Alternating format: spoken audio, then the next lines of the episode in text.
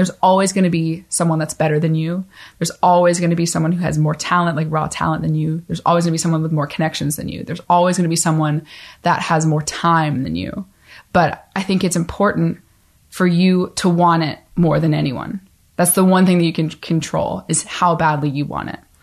On the 47th episode of Passion in Progress, singer songwriter Sydney Rame. Sydney is a very talented musician, and in this episode, we take you behind the scenes of what it's like to be a contestant on The Voice, and more importantly, what it's like after being on a show like The Voice and what that meant for her career as a musician. I'm going to let Sydney take it away with part of her song, Somehow. 12 years, 12 years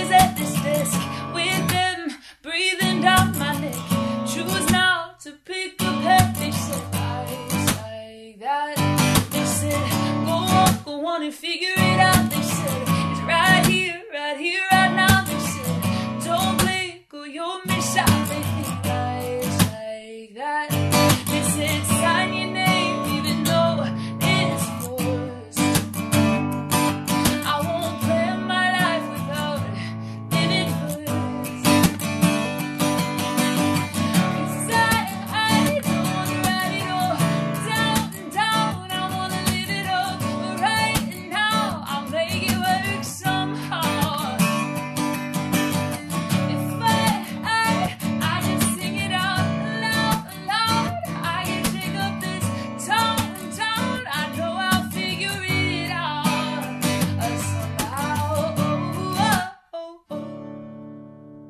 What is up, Mercedes? Javier Mercedes here for yet again another Passion in Progress show where we talk to inspiring individuals and hopefully through hearing their stories, you too are motivated to go out and pursue your passions. And today on the show, we are in Atlanta, Georgia with singer, songwriter, artist, and all things that have to do with music, Sydney Rame. Let's do it. Let's do it. You were on The Voice, correct? Mm-hmm. How was it? How did you get to getting on The Voice? And wherever you want to start, I'm sure you've told this story many times. For me personally, it's like as somebody that's interviewing somebody, I'm Yeah. like, here, let's ask you about the thing that you probably get asked about all the time. Totally. and it's it's so funny to me because The Voice was an amazing experience. You know, obviously being on national television is kind of cool. People do ask me about it a lot because it's like this this amazing thing. Um, but it's funny because it's been so long since I've done it. I Yeah. did it when I was 16 and I'm 20 now.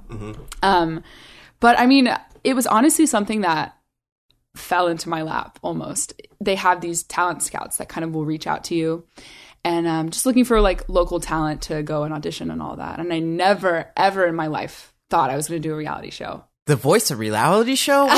I know, right? I always thought of it as this just I don't know, it just felt really contrived to me and I was I just never ever intended to go on a show like that. Never really even thought about it.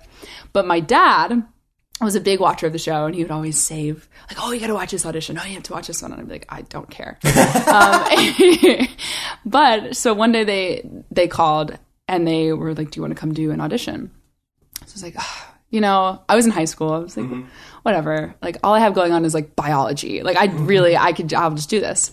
So I went and I auditioned, and you kind of you have to go through a lot of different auditions and different phases to get up to the actual show of like doing the blind audition.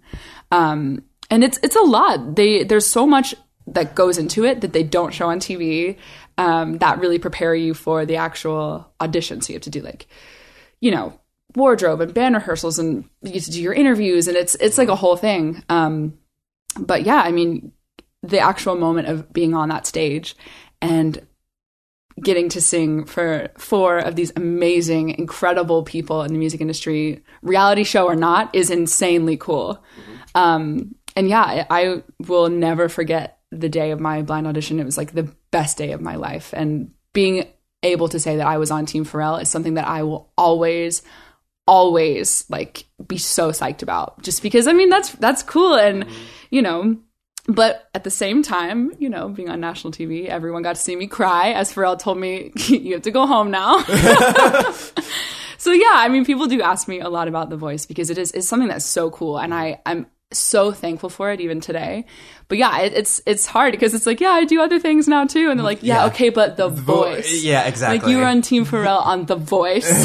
Yeah. I don't know if you remember that, but yeah. So it, it was it was a great experience, and I'm lucky to have been to have been a part of it. I think one of the interesting things about your audition in particular was there was only like one spot left, wasn't there? Yes. It was Team Pharrell, but mm-hmm. in the whole grand scheme of things, you were the last person for X amount of time, and like it had to be someone, and it was you, which I I thought was pretty cool. It is cool. You know, it's the whole process is so bizarre.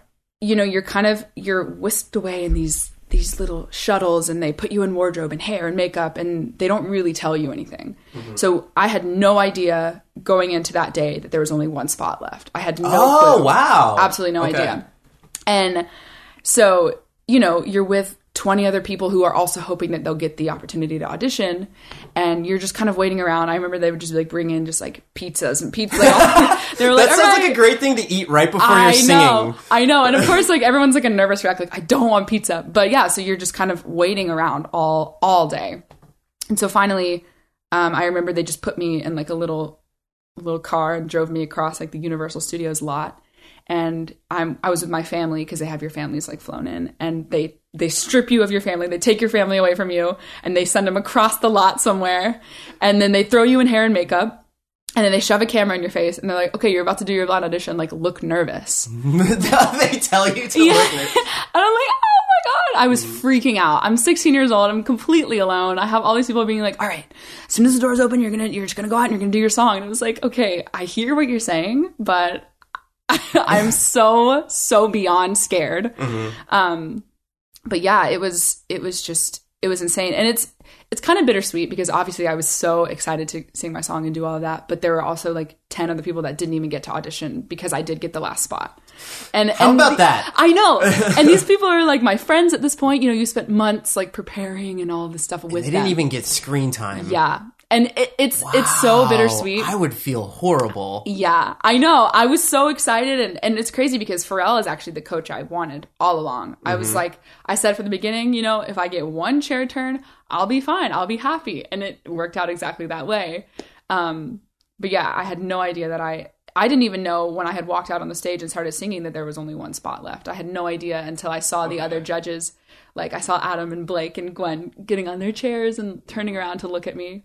And I was like, "Oh, they don't have any spots left." Yeah, what she's referencing is while she's singing, it's it looks like the other judges want to turn their chairs, but they mm-hmm. can't because they don't have any spots left. So after Pharrell turned his chair, all they did is they actually just like sat up on their knees on their chair to watch her perform the rest of her performance. Yeah, it was oh, it was so cool. It was definitely the best day of my life because it's something that you prepare for. And I mean, it's these little things. I think when you're pursuing anything, it's these these moments of affirmation that are like you're doing something and you're on the right path. And mm-hmm. just having Pharrell literally click a button just to say like, "Hey, you know, you have an okay voice."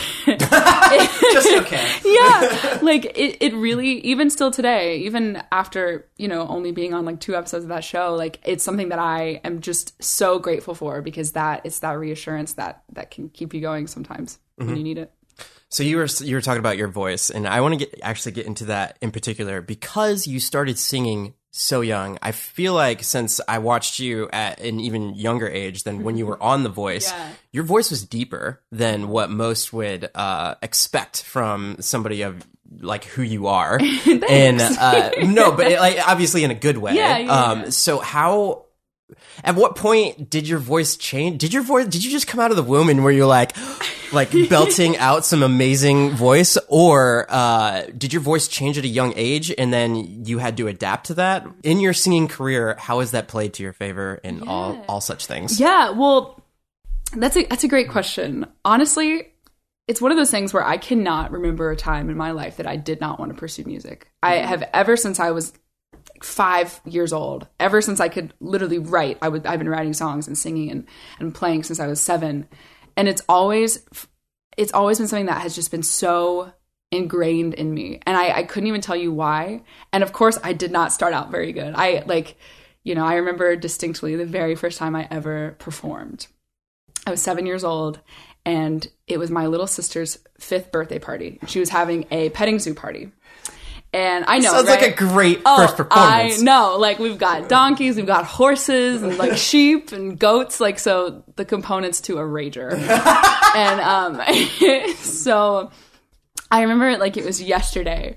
I was seven years old and I had I had absolutely no idea what I was doing. I had no idea how to play the guitar. I had never sung for anyone but like my stuffed animals and my dogs.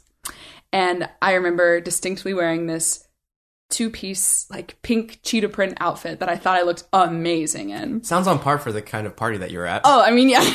Super raging. Yeah, exactly. Like I just remember getting up in front of just a sea of little kids and just you know standing there not prepared at all because when you're seven years old you don't really think ahead you're just like i just know i'm gonna own it with whatever i do so i get up there and i start just going to town on that guitar just strumming it and playing it having no idea what i was doing and just belting it out making up a song as i go Oh, so you didn't even have a prepared song. no. Picture the pink cheetah print and this huge guitar and just someone who knows absolutely nothing of what they're doing. And I just remember in that moment just feeling like I was untouchable. I was on top of the world. I I literally am just sitting sitting there just going to town and just giving it all that I possibly had. Mm-hmm. And whether I was good or bad, I mean I think we can do the math on that. I think I, it's, it's pretty it's pretty clear I was bad. But I just remember in that moment just knowing that that was what I wanted to do for the rest of my life. Like that, I remember it distinctly just being so happy and on this like cloud that absolutely nobody could bring me down from. It was just mm-hmm. being in that moment. And ever since then, I have put in so many hours and just extra time to be better because it's all I, I craved it and I still do. I still chase that feeling from when I was seven years old. I still chase that.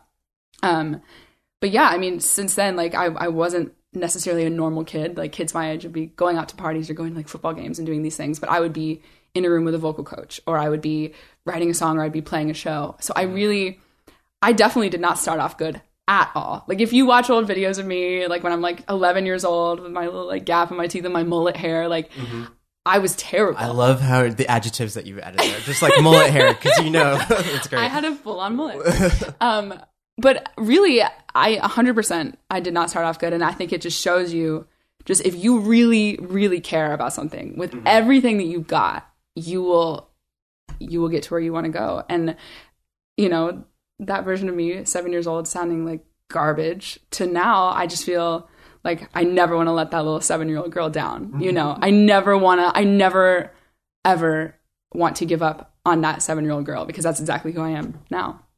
Dare I say it is a passion in progress? It sure is. Definitely a passion and 100% in progress. awesome. So, uh, I think that's a good segue into what you're doing today. Like, uh, so walk me through because I know you were on tour and other things like that. Walk me through what does one do after you've been on The Voice, and I guess. Uh, what I'm most curious about is what were the like the six months to three months or whatever that time period was after the voice. Like, what did you capitalize on the opportunity there, and what did that look like going into current day? yeah. Well, after The Voice, it's, it's honestly anything anything that's worth doing is a journey. Mm-hmm. I will preface it by saying that. After The Voice, like the second that I, you know, they were like, all right, you didn't make it through. You're going to go home. I remember it was like w- one day I was performing in front of Pharrell and Gwen Stefani, and the next day I was sitting in history class in my senior year of high school. Yeah. How about how about that for Yeah. that's powerful. I know. I know. And it, it truly it puts it in perspective because it doesn't it doesn't matter like where you think you are, where you think like, oh yeah, like I'm on national TV, I'm a big deal. Like, no, I'm not.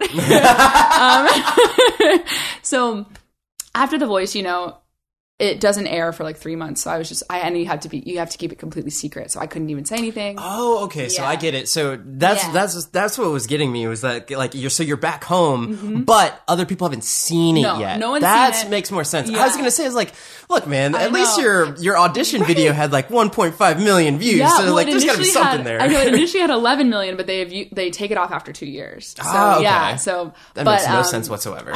No. The thing about my audition is that I was the very last one, so it aired on the very last day. So even as the announcements are coming out, like, oh, I auditioned for The Voice, like, tune in to find out. Mm-hmm. Like all my friends are like, well, did you make it? I'm like, I can't tell you. You have to just wait. And it was like weeks and weeks, and they were like, well, did you make it? I'm like, just watch. Mm-hmm. Yeah. so, anyways, it airs, and it's this crazy thing because it's overnight. You just get all of these followers and supporters and, and fans, if you want Mm-hmm. to call them.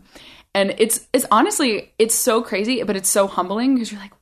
These people actually care about what I have to say or what or what I do. So from there, I you know got a lot of followers, and then I would have like people reach out, and um, like as far as people in the industry, and a couple things came out of that, like working with certain producers, um, and yeah, and just to be able to say that I did that has opened so many doors for me, and um, yeah, I'm I'm just super I'm super blessed to have gotten to do that because it's it's something that is so insane and so special and the fact that it's captured on TV is just like really cool. But yeah, I mean it's opened it's opened so many doors and it's it's it's the reason I have all the fans that I have right now. It's truly so such a blessing. So, music you're making right now. Can you explain your process behind? Uh, what does it look like? Is it just you sitting at a computer? You working with producers? How like what does that look like for any song? Okay. Well, so I I mean I've been writing songs since I was literally teeny teeny tiny and it's always been a very personal experience. Performing since seven. Yeah. yeah, killing it. since seven. but it's always been such a personal thing. Like for me, I would sit in my room with my guitar and I would just, you know, belt out whatever came to mind and then kind of go from there. So it's always been so personal and that's always how I've kind of created is like just me being inward and, and really just doing it that way. Um, but now um, I signed to a label beginning of last year, which is very cool, Sharon Records. Um, and so right now I'm working on my EP. And so I will go back and forth to the studio a little bit, but it always starts with me in my room writing, you know, writing my song, like playing guitar, writing, and then taking it to the studio and transforming it to a, a version that's, you know, pop and what I want. So it always starts organically. It always starts with me. And then I have like a team of people that will then come in and we'll all work and collaborate in the studio. And it's such a it's a great creative environment because I think it needs to be, you know, it needs to be supportive and and and cohesive. Otherwise it's really hard to be creative when there's people that are, you know, jumping down your throat, which I've I've you know been in in the past. Um, I can't tell you how many times I've just been sitting in a studio full of all just grown men and just playing a song like that I wrote about some guy in my Spanish class or something, mm-hmm. and having and being done, and then having everyone in the room nitpick it. Like, okay, you need to change this. This needs to be shorter. This needs to be longer. You need to take out this word. This isn't marketable. You sound like this. And having those people in your ear, it has been really hard in the past, you know, to be to be really authentic. Because I think at the end of the day, creating something is completely yours, and it has everything to do with with what you have to say. Mm-hmm. So now I'm at a place where I'm working with people that get that and they get that we are creating music that is mine and that is authentic to me. So it's still, I feel so lucky that I do get to sit and I get to be in my room and I get to be alone and I get to write songs that mean something and then take it and collaborate with people that aren't going to change everything about what it is. It like keeps its initial sentiment and and it's really it's honestly it's really exciting to say that I am working on music that truly means something to me because it's so easy to get lost in the shuffle of okay this needs to be mainstream or this needs to sound like this or this needs to sound like that. Um so yeah it's a process for sure. The concept that you're talking about mainstream is like such an elusive black box of like I know so some people could venture to say that it's like oh it's it's on radio and you get sick of whatever's on radio but just know that like the people that are making the music behind all of the pop hits are very accomplished people and they Oh. can and they can play like virtuoso stuff Right. but to make something quote unquote mainstream mm-hmm. is such an elusive beast Oh, I know. And that's the thing is that's what I hate about the entertainment industry as a whole. Like I love music and everything about creating and doing what I do. I love just writing a song and playing it for people. I just love like the relatability that is mm-hmm. music. What I don't love is I mean being a young girl in the entertainment industry is just absolutely cutthroat. I mean it's it's that word. It's mainstream. They want you to be a certain way. I mean, I've had producers like I got bangs one time. They were like, "Oh yeah, you need bangs, and that'll that'll be what sets you over the edge." I've been put in my fair share of tutus. Mm-hmm. I have, you know, I've worn this like all white. I've worn this like huge cross, and they're like, "No, this is it. This is what's going to get you." and I'm like, "Oh," and it's so hard because that's what everyone's chasing. They're chasing mainstream. Like this needs to be current. This needs to be now. Like we need to be. We're in 2019. We need to be 2020. Like you know, it's it's insane. And I think it's not productive because that's how we get songs that don't last. Like, you know, back in the day we had these class we had, like Michael Jackson and Whitney Houston and all these like huge, huge records. And now, because we're all chasing mainstream, we just have these songs that chart for a couple months and then you a year later you're like, wait, what was that song even? Like I didn't mm-hmm. you know, and and that's what is so important to me is making music that I believe in completely. And I think that has I mean, that goes for any sort of creative anything. Mm-hmm. If you are not creating something that is authentic to you and saying exactly what it is you have to say, then you you know, you really kind of need to rethink that because the public and everyone that listens to you can kind of sniff out when you're not being genuine. Mm-hmm. And that's something that it's been a, a struggle because the people that I, some people that I have worked with in the past are always saying like, okay, you know, you need to dress like this. You need to post less of this color on your Instagram or, you know, it's, it's things I haven't like heard that. one before, but Yeah. I, I was told at one point that I posted too much of the mustard color on my Instagram. and I was like, Okay. okay, so like, how does this have anything to do with my music? But the fact is, is that I mean that is a, that is a component of It's being. branding, It yeah. is. It totally is. So it's hard. I mean, because all you want to do is create something that matters to you, and when it's being picked apart because it's not mainstream, or it's being picked apart because it's it's adult contemporary, or it's it's you know too edgy or whatever, um, I think it's it's when you get to the point where you don't care that you can really make something that actually matters. Wow, I love how you just said at the end there because there there's another uh, girl that I interviewed, um, Audrey Ember. She's a YouTuber and she's uh, a little bit younger in the space and she she's in college and she's getting a little bit of attraction. But I asked her like, what's something that a bit a bit of advice for somebody that's like pursuing YouTube mm-hmm. as a young creator, and she was like, just know that nobody cares. Like like nobody cares. Like and then once you start doing something or like not necessarily that you get that through to your head, but like when you're creating something, mm-hmm. you have to be consistent in what you're doing in order for over a long period of time in order for people to get the idea of like, oh, this is what this person's about. Right.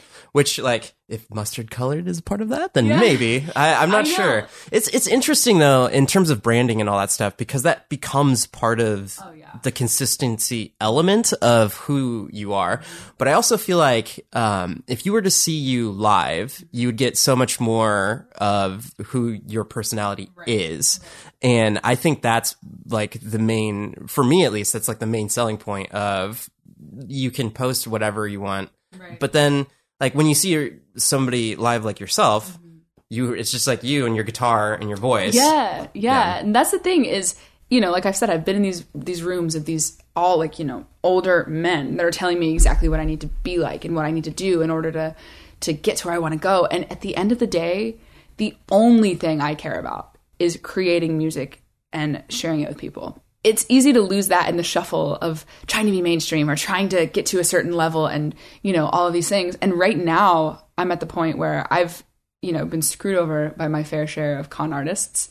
I have been, you know, made so many promises that have had no follow through. I've cried on national television, you know, like I I've been through a few roadblocks to understand now that with all of that stuff, if I can come home at the end of the day and sit with my guitar and play music, it, that's exactly that's the only thing I need because you kind of get caught up. You know, I went on tour this past summer and I was in the studio like every day and working While you're on tour? yeah, well, I would I would go like I would do a couple shows, and then I would fly to like Nashville, and then I would like fly to oh. Orlando. It was awesome, and you get kind of caught up, and then That, I feel like you are living the most Oh. cliche life of a musician. oh my gosh, I know, and that's the thing is that when people when you say oh yeah I'm a musician, I I you know am in the music industry, people think of it as this like glamorous, crazy, amazing thing, and in a way, sometimes they're right. Sometimes it is amazing. It's like sometimes you're in these crazy studios with Grammy winning producers, and you're like oh my god, mm-hmm. I love this. But then other days, you know, you're singing at a pizza place for five people and you're getting paid in pepperonis. You know, it's like it's You with can tell you, everything. you definitely have the experience. Oh yeah. well, I mean, it's it's one of those things where it's like, yeah, you have to like you have to pay your dues, but also in those moments where you have these amazing things, where you go on national television, you, you get to be on Team Pharrell, and then you get to go on a tour, and you get to work with Grammy winning producers.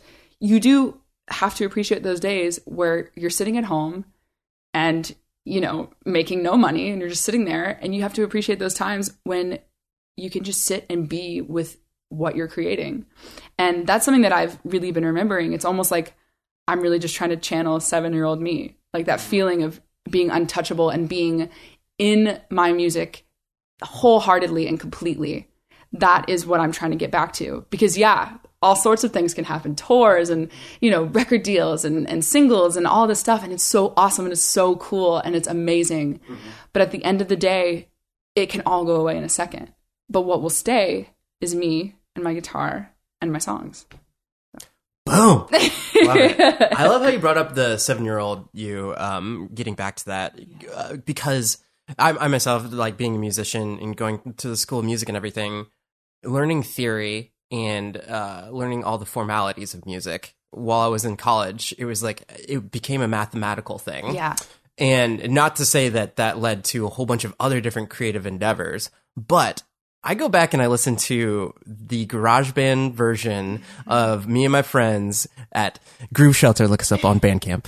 Uh, uh, Groove Shelter, and I listened to one my lyrics, and then two like the the music that we're playing, and just like the chords and all this other stuff, and it's so authentic and raw that I listen to. it, I'm like, man, I don't know if I could make something that good. Now, granted, the audio quality may not be good, but the idea of what is going on for those couple songs, those couple CDs that we made mm-hmm. is like so authentic. Yeah. Yeah. That's so important. And that's something, you know, like I was saying, it's it's so easy to lose sight of that authenticity. Mm-hmm. Like when I would be in these sessions every day with these people that were like breathing down my neck saying, This song is bad, or this part of the song is bad, and this is bad, and this is whatever.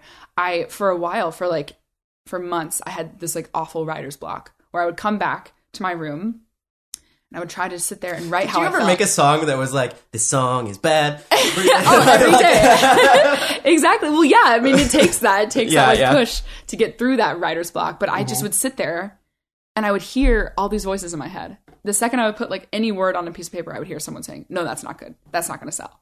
That's this isn't." oh yeah. my gosh! Literally, it got to that point. It would be I would every idea I would have, I would filter it and edit myself, so I would write nothing down. You know, whereas when I was seven years old, everything I wrote was amazing. Mm-hmm. you know, like in my mind, everything I wrote was sensational. Mm-hmm. And even if it was absolute garbage, no one was going to tell me differently because it was me and it was what mm. I had to say. Even though when you're seven years old, you're like, I suck my thumb, and you know, That's a legit song. I went to, you know, camp today. It was cool. You know, like but it doesn't even matter because that was what was true for me and that's what I had to say when I was 7 years old. And um so it was hard for a while because when you are trying to be in that mainstream, you do have to listen to these people that, you know, have been in this industry way longer than you and you have you I understand on some level that I have so so much to learn, but on another level I have to remember that I don't know absolutely nothing. I have something to offer and I have something to bring to the table. Mm-hmm. And that's something that's so easy to lose sight of when you're constantly being told that what you are creating, something you are creating that is completely yours, is wrong. Mm-hmm. And so for a while, I really did get caught up in like, oh my God, everything I come up with is going to be bad. Or, you know, so and so would think that this was too, you know, edgy, or so and so would think that this part was too long, or that this word was weird, or whatever. And it's so easy to get like lost in that shuffle of trying to be what these people are telling you.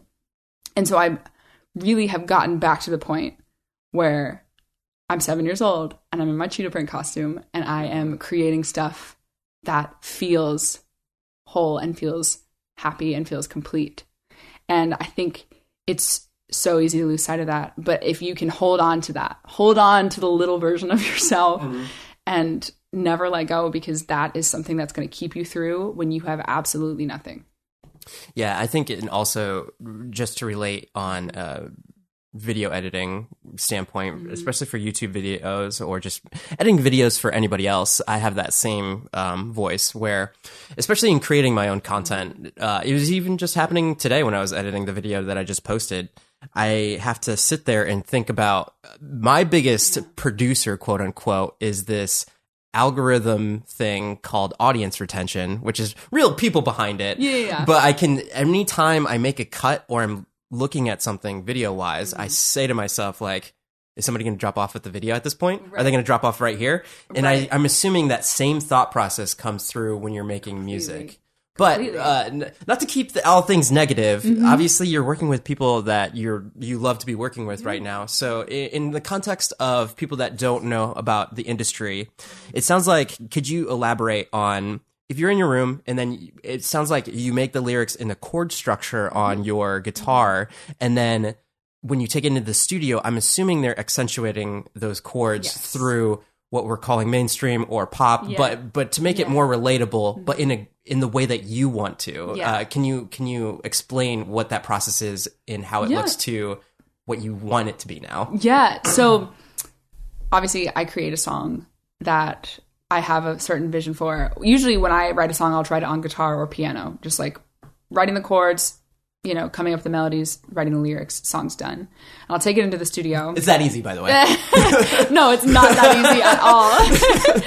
um, but yeah, so then I'll take it into the studio and I'll have like a producer or like I like to keep it kind of small because I've been in this those sessions where it's like 10 people and there's like a plate of chicken wings and half of people are watching the basketball game and the other half are actually working on the project and it's just a mess.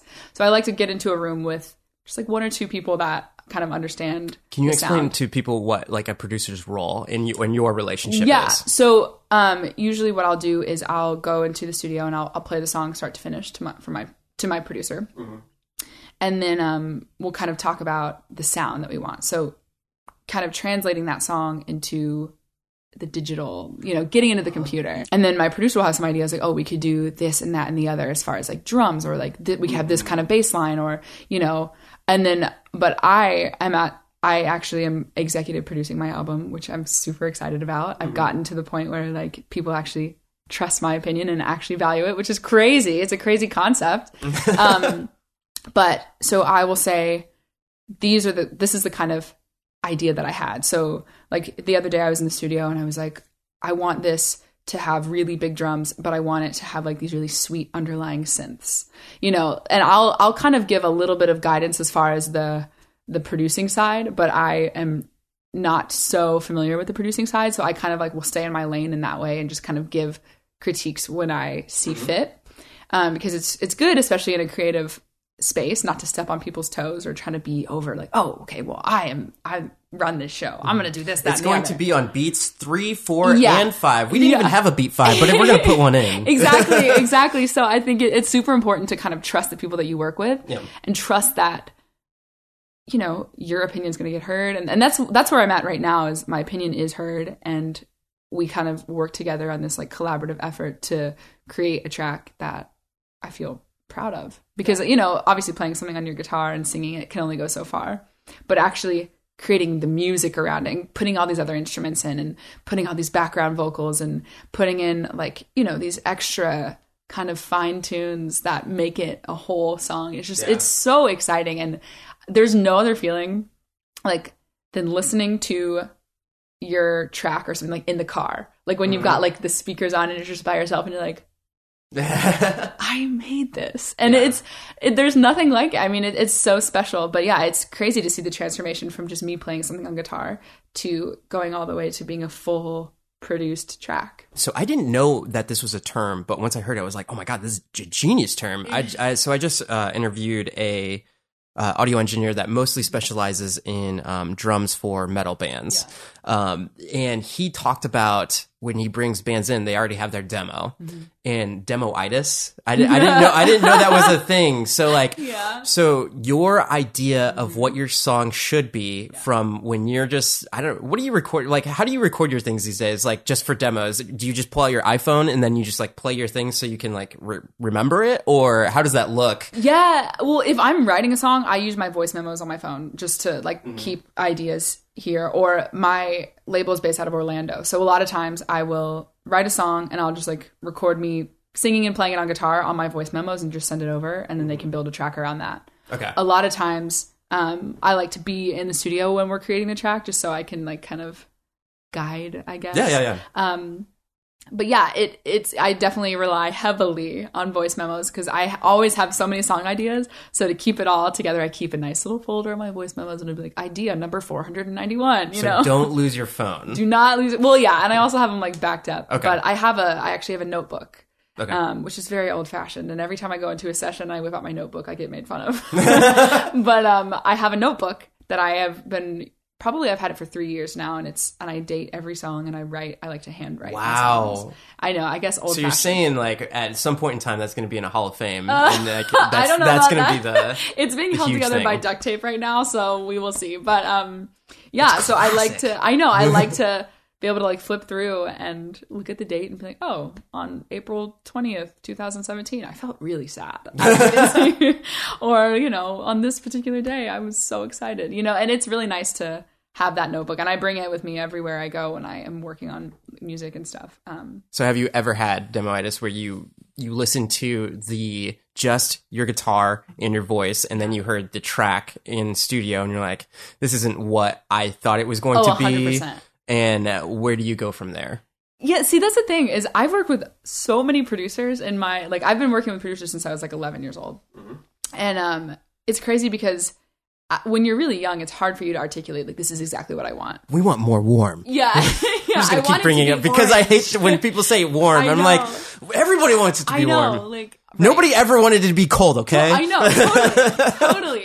I would. I remember not being able to articulate exactly what I wanted when I was younger, and even still, sometimes I can't really articulate exactly what it is I want. But there are some times where, like, a producer I'll be working with will come up with a track to my song, and I'm not 100% sold on it. Mm-hmm. But I've gotten to the point where I can kind of point out exactly why I don't like something, and I'll be like, "This needs to be different," without like you know hurting people's feelings and stepping on toes. Mm-hmm. See, that's another thing that kind of sucks about like being a young girl in the industry. It's like there are lots of egos when it comes to like older men that you have to like watch out for. Mm-hmm. Where, whereas if you like, Have you ever worked with a female producer? I haven't. Have you ever like met one? I've I've worked with a lot of female co-writers, um, but I've never worked with like I've never worked with a female producer. Would you ever be interested in doing it? oh yeah, totally, totally. That that being said, let's dive into what you have on your Instagram. The- Okay. The, the, producer, uh, your like little parody thing Oh. for producers. Oh yeah, I yeah, I'm very annoying. yeah, I try to make light of. It's funny because some producers are actually like like some producers come in with these big egos and it's it's hilarious honestly at this point it's hilarious and so i mm-hmm. just will be in the studio sometimes and i'll just pretend like i'm one of them mm-hmm. Can you elaborate on it because it because it's a legit thing because Yeah. especially what I'm I'm making fun of with the whole warm thing. Yeah. it happens. So if you're in the booth and you're singing something, Yeah. what would like what would like explain in the way that you would for your IG Okay. like if you're doing something vocally and then they wanted something from you differently how would that sound Right. Well, I've in the past, like you know, I'll be in the vocal booth, and let's say like they want it, they want me to like hold out a note or something, but they won't say it like that. They won't just be like, "Yeah, hold that note longer." They'll be like, "So I want you to hold this note and let it fade like the wind, but also do it like you're really excited." But at the same time, like not too excited, and that like you're someone that a guy could take home to their family. You know, it's like so weird and abs- abstract. It's like do this like you're really nice, but also like you can get down. You know, like it's it's just so bizarre. Like some of the instructions that they'll give to you are just like, what? I I- I completely can know where you're coming from Yeah. because um in, in my prior job at the recording studio I wasn't doing that kind of recording. I would I would assist on some sessions like that but the bulk of what I was doing was for VO and I would be the audio engineer while producers for a and this is uh, for the listeners it would be the typical like stop by your local Kroger and get the 9.99 or like if you're at the um shout out to Tony Mansano uh the guy that's like security alert if you see Oh, any uh, bags, yeah, the the voice over the Atlanta airline. Oh, um, anyhow, with that comes the same kind of producing, Oh, and what's interesting is there's like I feel like there's two schools of thought. There's you're cut and dry, and you're like hold the note longer, right. but some uh, producers Yeah. just don't do it. They like will not tell you exactly what they Oh, want because they want you to have like I get like at some point at creative liberty, right? Mm-hmm. But when it's like two hours into the session and you're still on the same note, it's like just tell them to hold the A note. Right. So exactly. And and it drives me crazy. Like sometimes I'll be in sessions and I'll I'll do a take and the producer will not say anything. They'll just start it over. And you're like, Am I am I What am I supposed to do again? I know. Yeah, They'll yeah. just be like, start it over. Or like they will, or they won't even say anything. I've had people that are just like, You'll do it and then just dead silence on the other side of the booth and you're like Excuse me, and then track starts over again. You're just like, well, I guess we're doing that again. Yeah. yeah it's funny like it's it's so funny because when you're when you're creating something like a song or just anything that's creative like whether it's a painting or some sort of like monologue you know mm-hmm. it's there's so many different ways to go about it and that's what i think is so special about the creative process is that there are so many different people and different ideas and perspectives of ways to do things but it also is what makes it so hard because there's no clear cut path there's no like cut and dry like okay we're gonna get in the booth we're gonna do this that and the other and then um, by 2.15 we're gonna grab a lunch and then we'll be good no it's like Never happens that way. i know and it's like either you're in there all day long or you know it could be like one take and you're done you know you just never know in that and it's it keeps it exciting but also some days you're like I've been in this vocal booth for eight hours and I've eaten nothing. so it's it's one of those things. It's one of those things. Yeah. Uh, can you talk about singing with, uh, do you still sing with your sister? Yeah, well, sometimes my sister is. She and I are very different. She's definitely more of like the tomboy. Like she was like into sports and stuff, and and I was always like the weirdo sitting in my room writing love songs about guys I'd never even talked to. So getting her to sing with me was kind of a, a battle at first. Um, but she, I taught her how to harmonize, and so now we'll like come together and like we'll just be in the car like listening to a song and we'll just be like singing and she'll pick a harmony and then I'll pick a harmony and it, it- we do it like that. But occasionally, crazy. I know. That's talented. I know it's like it's bizarre. And what's crazy is that our our parents and our family really isn't musical at all. really? Yeah, not at all. I mean, I always grew up with music playing in the house, which was amazing, and I got to really listen to like all the classics and listen to all this really good music. And um, but yeah, I mean, I I came up with the idea of wanting to do music completely out of nowhere, just out of thin air. I was like, this is what I want to do. But as far as getting my sister, um, now I think she's definitely more more like cool with it. Like I'll be like, hey, do you want to do like a Drake cover? She's like, yeah, sure. You want to do a Drake yeah, cover? that's what we did last time. We did a little cover. We did like some Drake on my Instagram, and uh, What song it's was fun. We did uh, Blue Tint.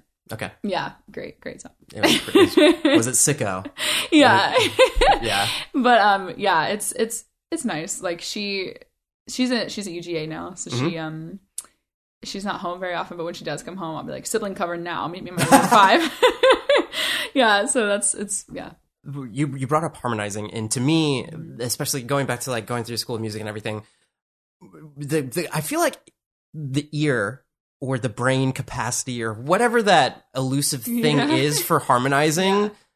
i don't know what it is but i could i could sing the melody but Oh, yeah. there's just some people out there that regardless of whatever song is playing they could mm-hmm. just hit all of these harmonies and I'm like how you Yeah. how are you like hitting those resolutions I how do you know. know it's going to go to that chord I know, I know. You've never heard this song before. Right, exactly, exactly. And yeah, it's it's funny because it's like the more you do music, because I mean, music can kind of be a formula sometimes, and so sometimes you know, especially with like pop music, it does fit a formula. So it's like you can kind of expect where they're going to go somewhere next, like what note. Sometimes if it next. doesn't like resolve, Oh, I you know. could you could leave I know me it's like angry for physical days. pain. Like, where's the resolve? Yeah. Um, but yeah, it's it's one of those things where it's like you know it's a skill that you you work at, and then you eventually are like, oh, it's like second nature, like you know, breathing.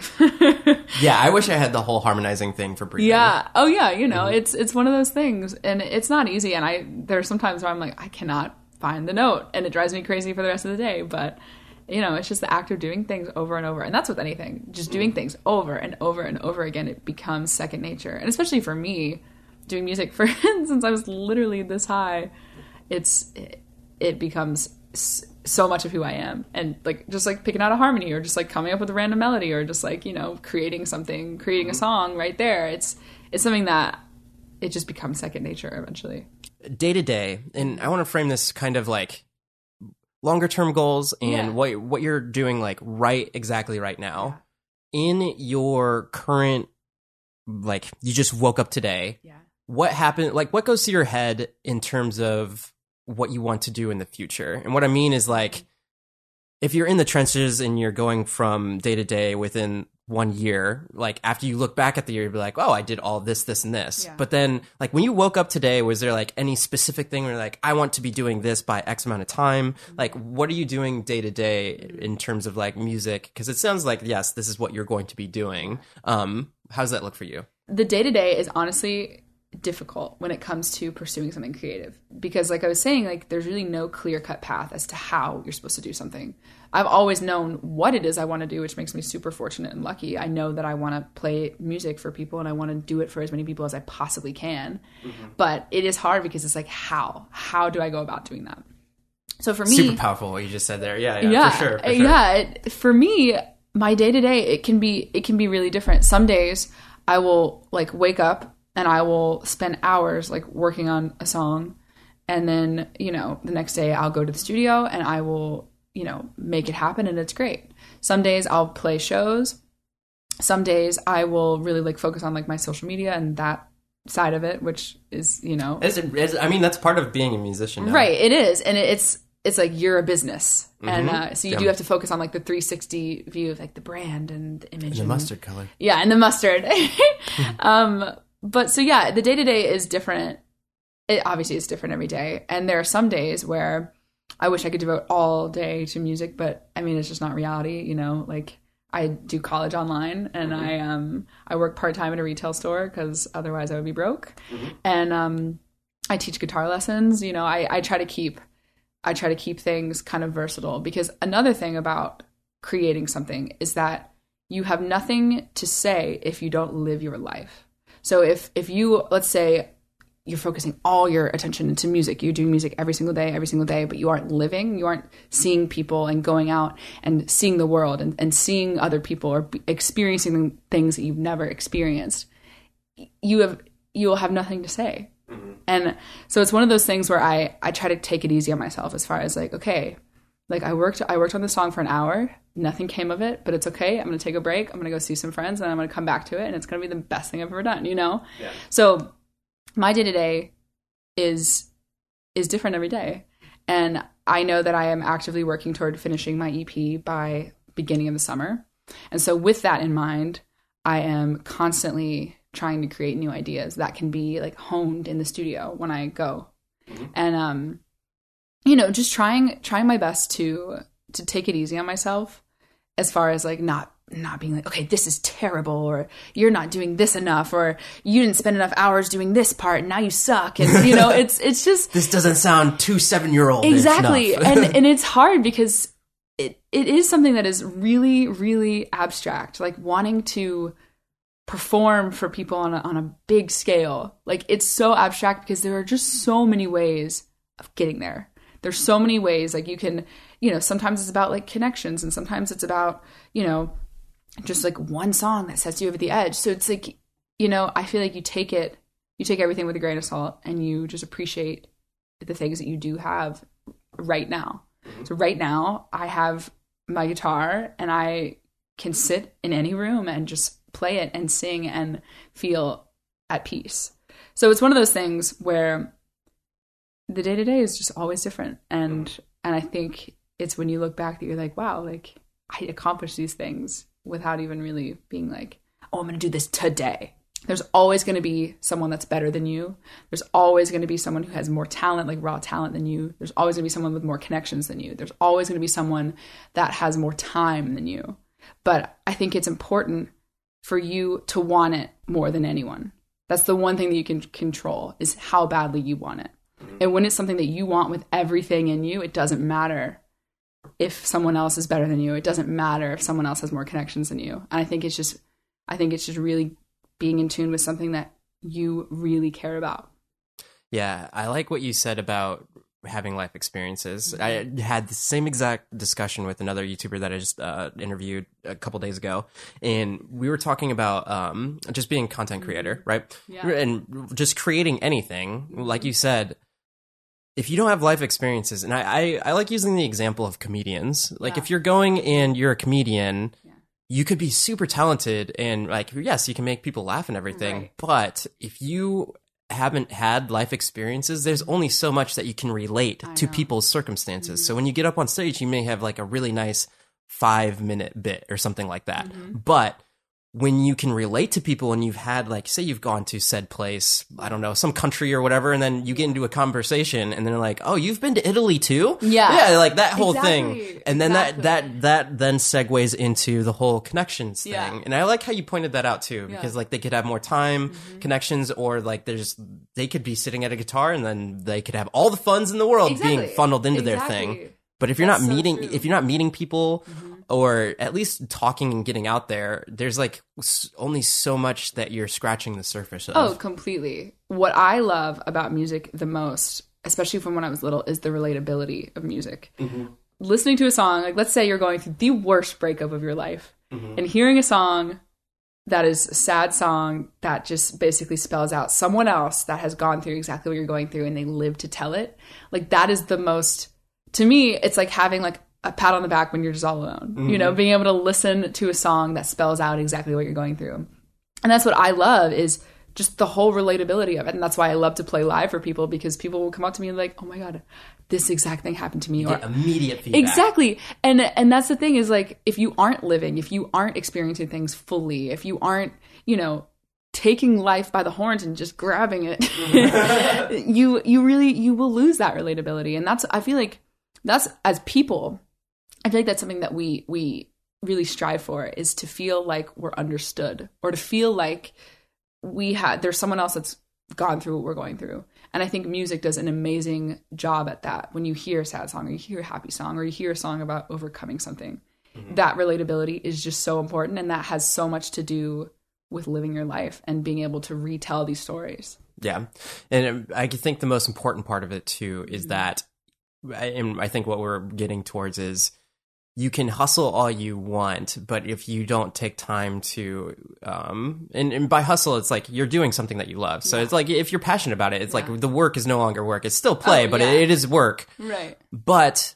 if you don't do something other than that, you're not going to have a different perspective, Oh, and totally. then everything's just going to sound the same, or you're just going to get burnt out. Totally. That's that's so true. I think it's really important to live a well-rounded life and that's with anything. Whether you're pursuing like if you're trying to be a lawyer or a doctor or, you know, an actor. Like there's it doesn't matter whether it's creative or whether it's formulaic. Like you need to make sure at least from my perspective, yeah. you need to make sure that your life is well-rounded because you never know when whatever it is you're priding your life on is going to be taken away from you. And you have to have that like core confidence within that's like, you know what?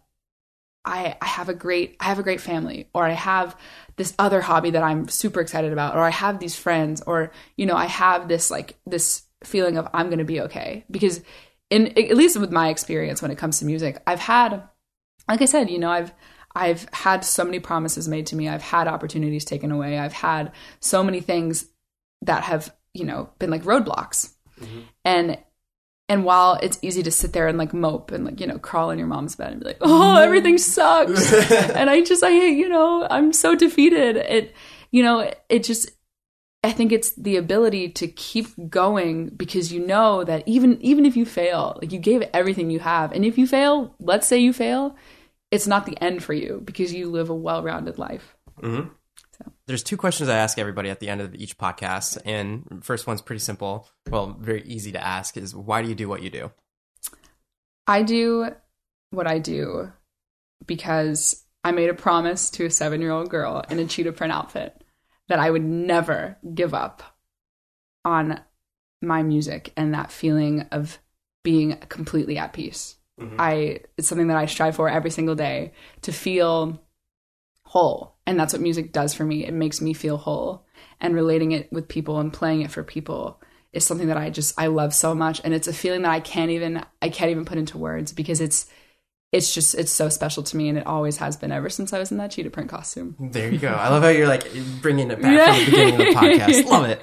Uh, and then second question is to get from where you were, and we'll go with seven year old you. So if uh, for anybody with advice wise, going from seven year old you to where you're at now, what advice would you give to people?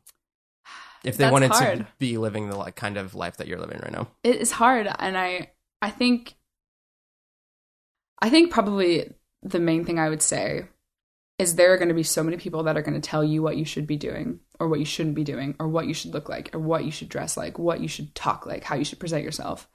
And i think at the end of the day remaining authentic and remembering your value to a situation is so important because you know these these people may know what they're talking about. They may not know. But at the end of the day when you put your head on your pillow at night you can truly feel like you are authentic to yourself. And i think making sure that you do not let people stifle you and making sure that you do not kind of give in to all of the hype of like oh you need to be doing this or you need to be doing that. I think just keeping yourself in a bubble of confidence is just so important because you just never know when someone's going to try to pop it. And um yeah, I think I think just remaining authentic and remembering what it is you have to say is so important because no one else is going to say it for you.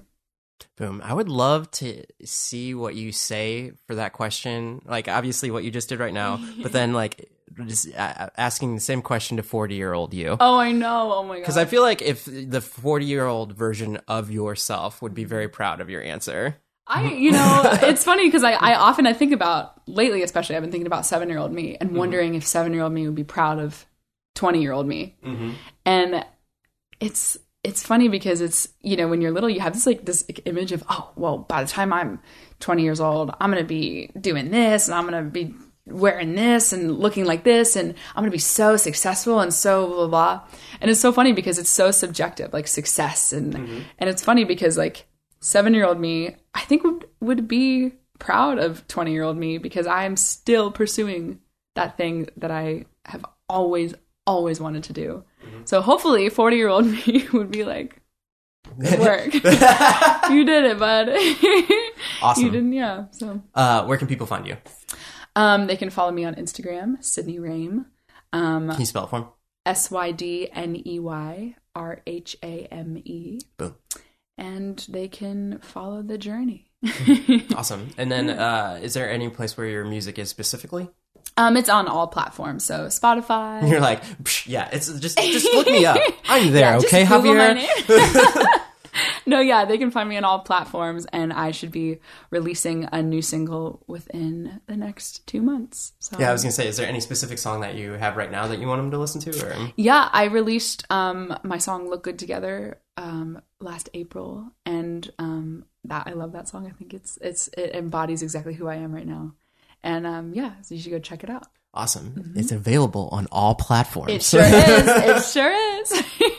all right, well, thank you so much for your time. Thank you so much for having me. I so appreciate it. awesome. If you want to share out this podcast, you could tag Javier Mercedes X. That's J A V I E R M E R C E E C E D E S X. I always like I never had to spell out my last name, but then I realized there was a lot of people that didn't know how to spell Mercedes. There's so a lot of e's in there. yeah, and I I said one too many e's. Maybe edit it. No, I'm just gonna keep it in. You know, you just keep it. I think Yeah. be authentic.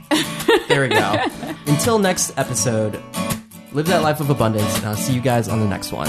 Don't forget to leave me a review on iTunes.